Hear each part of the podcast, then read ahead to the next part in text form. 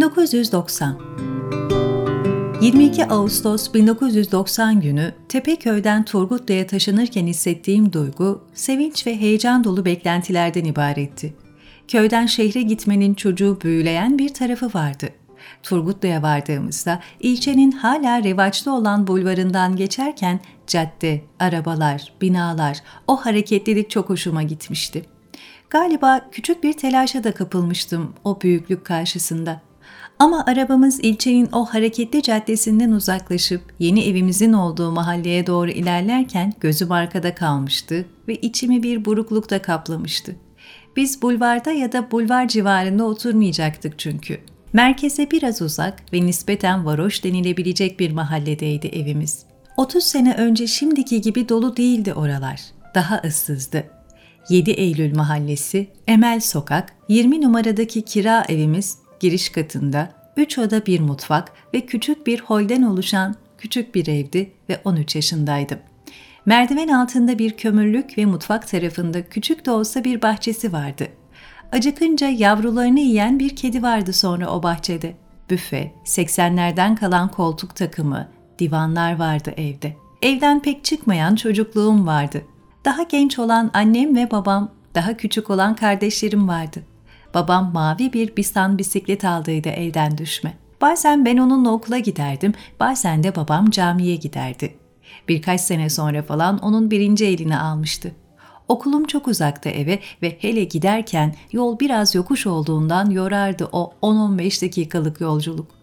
Evden kervan yoluna, oradan da Subaşı mahallesine çıkar ve İzmir yoluna varınca kenarda beklerdim biraz vızır vızır işleyen yolun karşısına geçmek için.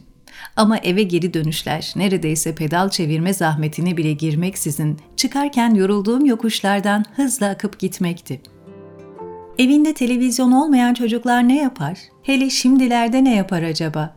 Akıllı telefonları, bilgisayarları aklınızdan bile geçirmeyin. Ben çocukken de çocuk gibi olmadığım için o günleri çok da sıkılmadan atlattım. Koca adam gibi kendime çay demleyip gazete veya kitap okuduğumu hatırlıyorum. Evde pek de kitap yoktu aslında. Babamın dini kitaplarını saymazsak. Bir arkadaştan aldığım ve geri verirken üzüldüğüm yakın tarih ansiklopedisi vardı okuduğum.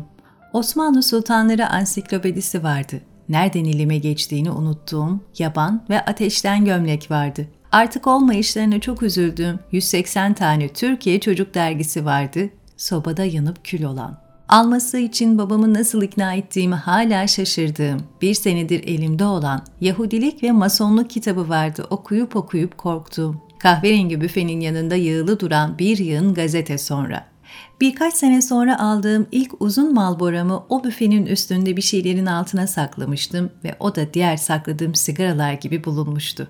Sakladığım her sigara garip bir şekilde ortaya çıkardı ve evde saklamadığım yer kalmamıştı bu yüzden. O zamanlardan kalan bir sevinç de şu.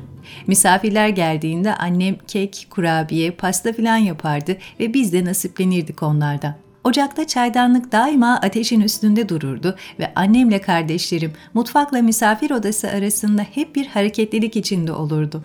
O anları çok severdim ve hala çok severim. İnsanın evini anlatması aslında hayatını anlatmasıymış. Şimdi yazdıkça anlıyorum. Hele benim gibi evden pek de dışarı çıkmayanlar için bu taş gibi gerçek. Misafir odasına da kolay kolay giremezdik. Koltukların üzerinde örtüler olurdu. Sehpalarda da. Evin vitrini gibiydi o oda. Yaslandığımız kısımlarında küçük dolaplar olan ve onların üzerinde de annemin el emeği dantelli örtülerin olduğu o kahverengi koltuklar. Çekyat sayılırdı onlar, yatılırdı da üzerlerinde. Hala gözümün önünde. Devasa büfede misafir odasındaydı. İçinde bir sürü tabak, bardak, biblo, süs eşyasıyla. Babamın haç dönüşü getirdiği Sharp marka teyip de oradaydı. Kayıt düğmesi bile vardı. O sıralar yeni yeni yayına başlayan özel radyolarda sevdiğimiz bir şarkı çıkarsa kaydedelim diye hep bir kasetin hazır tutulduğu içinde. Babamdan gizli artık pek de dinlenmeyen ilahi kasetlerine çok şarkı kaydetmişliğim vardır. Bir de evimizin yakınında bir kahve vardı. Benim gazete okumak, gizli gizli ve babam geçerken görmese bari telaşıyla sigara içtiğim veya maç seyretmek için gittiğim. Hala durur o kahve orada. O zamanlar Sabah gazetesi Nobel dizisi kitapları veriyordu. Her ay 30 kupona 5 kitap. Eve o gazeteyi sokmak ne mümkün. Ben de bir çay içip kahvecinin de oluruyla 5 ay boyunca kupon kesip biriktirdim. O kitapları eve nasıl soktum şimdi aklımda değil. Kadınların kapı önlerinde oturup sohbet ettiği, karşımızdaki boş arsaya yağmurların yağdığı, akşam olurken, top oynarken eve çağrıldığımız, sobanın odasında sofraya oturduğumuz, yeşil örtülerin örtülü olduğu tahta divanlarda sırtımızı yastıklara dayayıp ailece zamanlar geçirdiğimiz, taşındıktan 6 sene sonra alınan ilk televizyonumuzu, Blapunkt, renkli, 40 ekran, eve geldiği gün sabahtan akşama kadar kesintisiz seyrettiğim, artık 3-5 fotoğrafta kalan o evde 6 yılımız geçti. O zamanlar annem de babam da 40 yaşında bile değillermiş. Bu satırları yazan ben şimdi 43 yaşındayım. Bu birçok şeyi daha iyi anlamak ve zaman deyip hüzünlü bir sessizliğe varmak için yeterli bir cümledir. 1998 6 sene sonra taşınıp 2 sene kaldığımız evin bende pek izi kalmadı. Uzun koridoru, büyük odaları, yer altından notları okuduğum loş bir odası, mutfak tarafında halı yıkadığımız geniş bir balkonu, dedemin yazı yazarken güzel bir fotoğrafını çektiğim az kullanılan bir odası, bir marangozun üstünde olduğu için hala duyabildiğim bıçkı sesleri vardı. 1998'de nihayet kendimize ait bir evimiz oldu, 22 sene oturacağımız. İlk kaldığımız evin hemen arkasındaki sokağa geri dönmüş olduk böylece. 7 Eylül Mahallesi, Burcu Sokak, numara 18. Bir ara Burcu diye bir kızı sevmiştim. Ta Van'da ve sokak adımızın da aynı olmasından aşıklara has aptalca anlamlar çıkarmıştım. Babam sonradan üst katını da yaptırdı ve taşındıktan 7 sene sonra her iki katı da kullanmaya başladı. Asıl olan ikinci kattı ama biz tatillerde ve bayramlarda geldiğimizde artık gözden düşse de hala kullanılan eşyalarla dolu ve dayalı döşeli olan birinci katta kalırdık. Çoluk çocuk, torun falan kalabalık olduğumuz için zaten ikinci kat yetmezdi. Benim hemen hemen bütün yaz tatillerim alt katta, alt katın mutfağında geçti. Ev deyince aklıma önce ve en çok orası gelir. Şimdi bu 22 yılı nasıl anlatmalı? Neden anlatıyorum? Neden anlatılır? Geçmişle ne yapılır? Geçmiş ne yapılır? Yazılır, anlatılır. Belki bir güzellik sönüp gitmesin, zamana yenilmesin diye. Belki bir yara vardır da yazarak çekilir hale gelir. Belki sadece yaşamak yetmiyordur da bir de yazarak yaşanılanların üzerinden geçmek, yaşamak hissine daha güçlü ulaşmayı sağlar. Belki evden ayrılmak en çok hayatının büyük bir bölümünden ayrılmaktır da bununla baş etmen gerekiyordur. Belki yeni taşındığınız evde geçirdiğin ilk gecende yabancılık, sıkıntı ya da o kadarını beklemediğin bir derin hüzün yüzünden uyuyamamışsındır da bu yazı o anlarda yazılmaya başlamıştır ve sana kağıda dökmek kalmıştır. Ama 22 yılı bir yazıya sığdıramazsın. Buna gerek de yoktur. O 22 yılın ruhunu yazarsın. Ondan sana kalanı ve silinmeyecek olanı. O evin bir ruhu vardı. Yılların oluşturduğu bir ruh bu.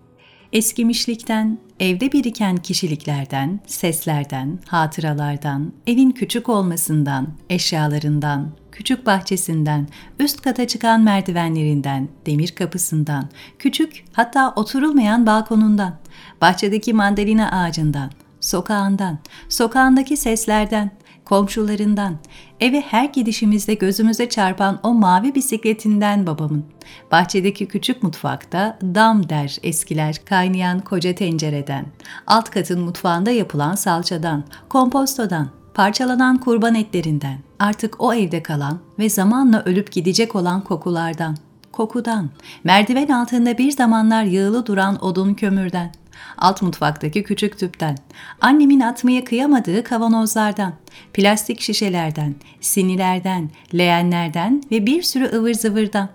40 yıllık masa örtülerinden, buzdolabı örtülerinden, herkes uyurken oturup çay içtiğim plastik sandalyelerden ve sanki hayatın kenarında bir yerlerde olduğunu sandığım ya da benim bazen içinde biz varken hayalimde göğe yükselttiğim ya da denize saldığım, bütün tehlikelerden bizi koruyan bir sığınak gibi görmeyi sevdiğim, yorulunca herhangi bir eski odasında eski minderlere uzanıp dinlendiğim, hayallerimden oluşan bir ruh. Hele bir de yağmur yağdığında bahçedeki mandalina ağacının dalları sallanırken ve ıslanırken Pencereden yağmuru ve bahçeyi ve ağacı seyrederken duyduğum huzur ve korunma hissi evin bendeki anlamlarının en güzellerinden. Kahvaltıyı yapmışızdır. Sonra ben alt kata inerim, evime, mutfak masasında çayımı sigaramı içerim birkaç saat. Sonra Nezahat gelir.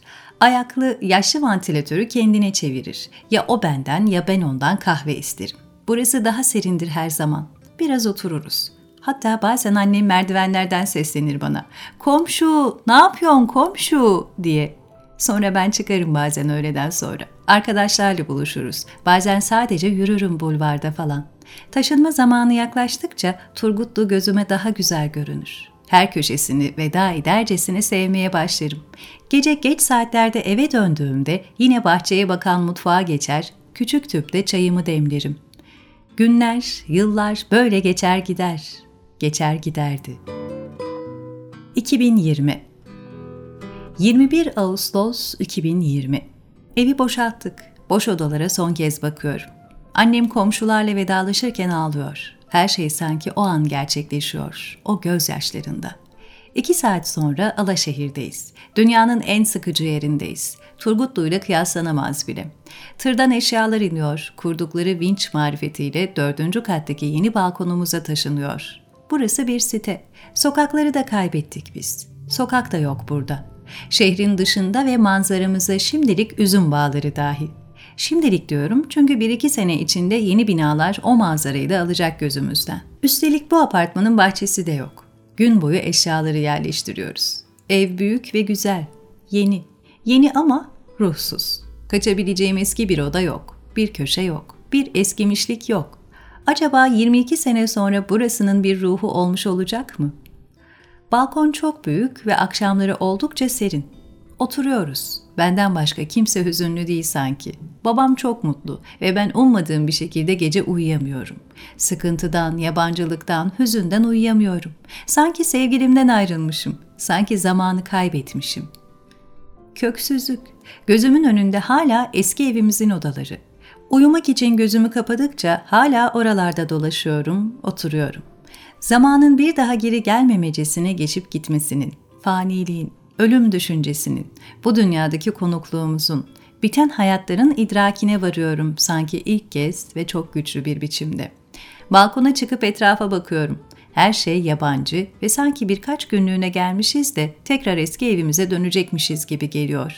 Yeniden uzanıyorum yatağa. Hep kurduğum bir hayal var. Geçmişe dönük de olsa, geleceğe dönük de olsa güzel hayallerin bir yerinde hep yağmur vardır. Yağmur dışarıda, sen içeridesindir. Bu, bu dünyada olmanın, yaşıyor olmanın, gerçekle hayal karışımı anların en güzelidir. Yine o hayale kaçarak gözlerimi kapatıyorum. Yağmurlu bir gece vakti. Ben dönmüşüm memleketi, artık eski olan evimize. Sırılsıklamım. Eve gidiyorum. Alt kattaki eve elbette. Ev beni sarmaya başlıyor. Odaları, eşyaları ve orada geçirdiğim zamanları görür görmez. Üzerimi değiştirip küçük tüpüme çay koyuyorum. Yağmur tüm hızla yağıyor. Çay kaynamaya başlıyor. Mutfak masasının yanındaki plastik sandalyeye oturup bir sigara yakıyorum. Masanın üzerinde geçenlerde serdiğim annemin 45 yıllık el emeği göz nuru, pembe, üzeri vişne renkli desenlerle süslü, baktıkça evi yuva yapan, insanın içini ısıtan ve huzur veren masa örtüsü var. Bahçedeki mandalina ağacı ıslanıyor. Dallar rüzgara eşlik edercesine sallanıyor. İnceden toprak kokusu doluyor burnuma. Bildiğim, tanıdığım karanlık sokak, mütevazı evler ıslanıyor. Burada şehir merkezinin tantanasının uzağında sanki geçmiş zamanlarda donmuş gibiyiz. Bu beni rahatlatıyor. Duvarlar, balkon demirleri, camlar ıslanıyor. Bende yine o her şeyden uzak olma ve evde korunma duygusu var. Bir tehlike falan yok elbette. Ama evimiz bana o korunma, her şeyden uzak olma duygusunu veriyor. Buradayım, bildiğim yerde, aşinası olduğum ruhla dolu ve bildiğim, yaşadığım zamanlarımın içindeyim. Zaman sert değil burada. Tanıdık. Ölüm de yok gibi. Hayatım gözümün önünde, yanımda. Ben burada İstanbul'daki insan da değilim. Sert köşelerim eve girer girmez törpüleniyor kendiliğinden. Burada bir oğlum, buradayken hep oğlum. Beni saran, ısıtan, içime huzur veren hislerin biri de budur. Annem babam üst katta uyuyor. Sabah olduğunda annem, babam, Ayşe ya da Nezahat merdivenlerden bana seslenerek beni kahvaltıya çağıracaklar.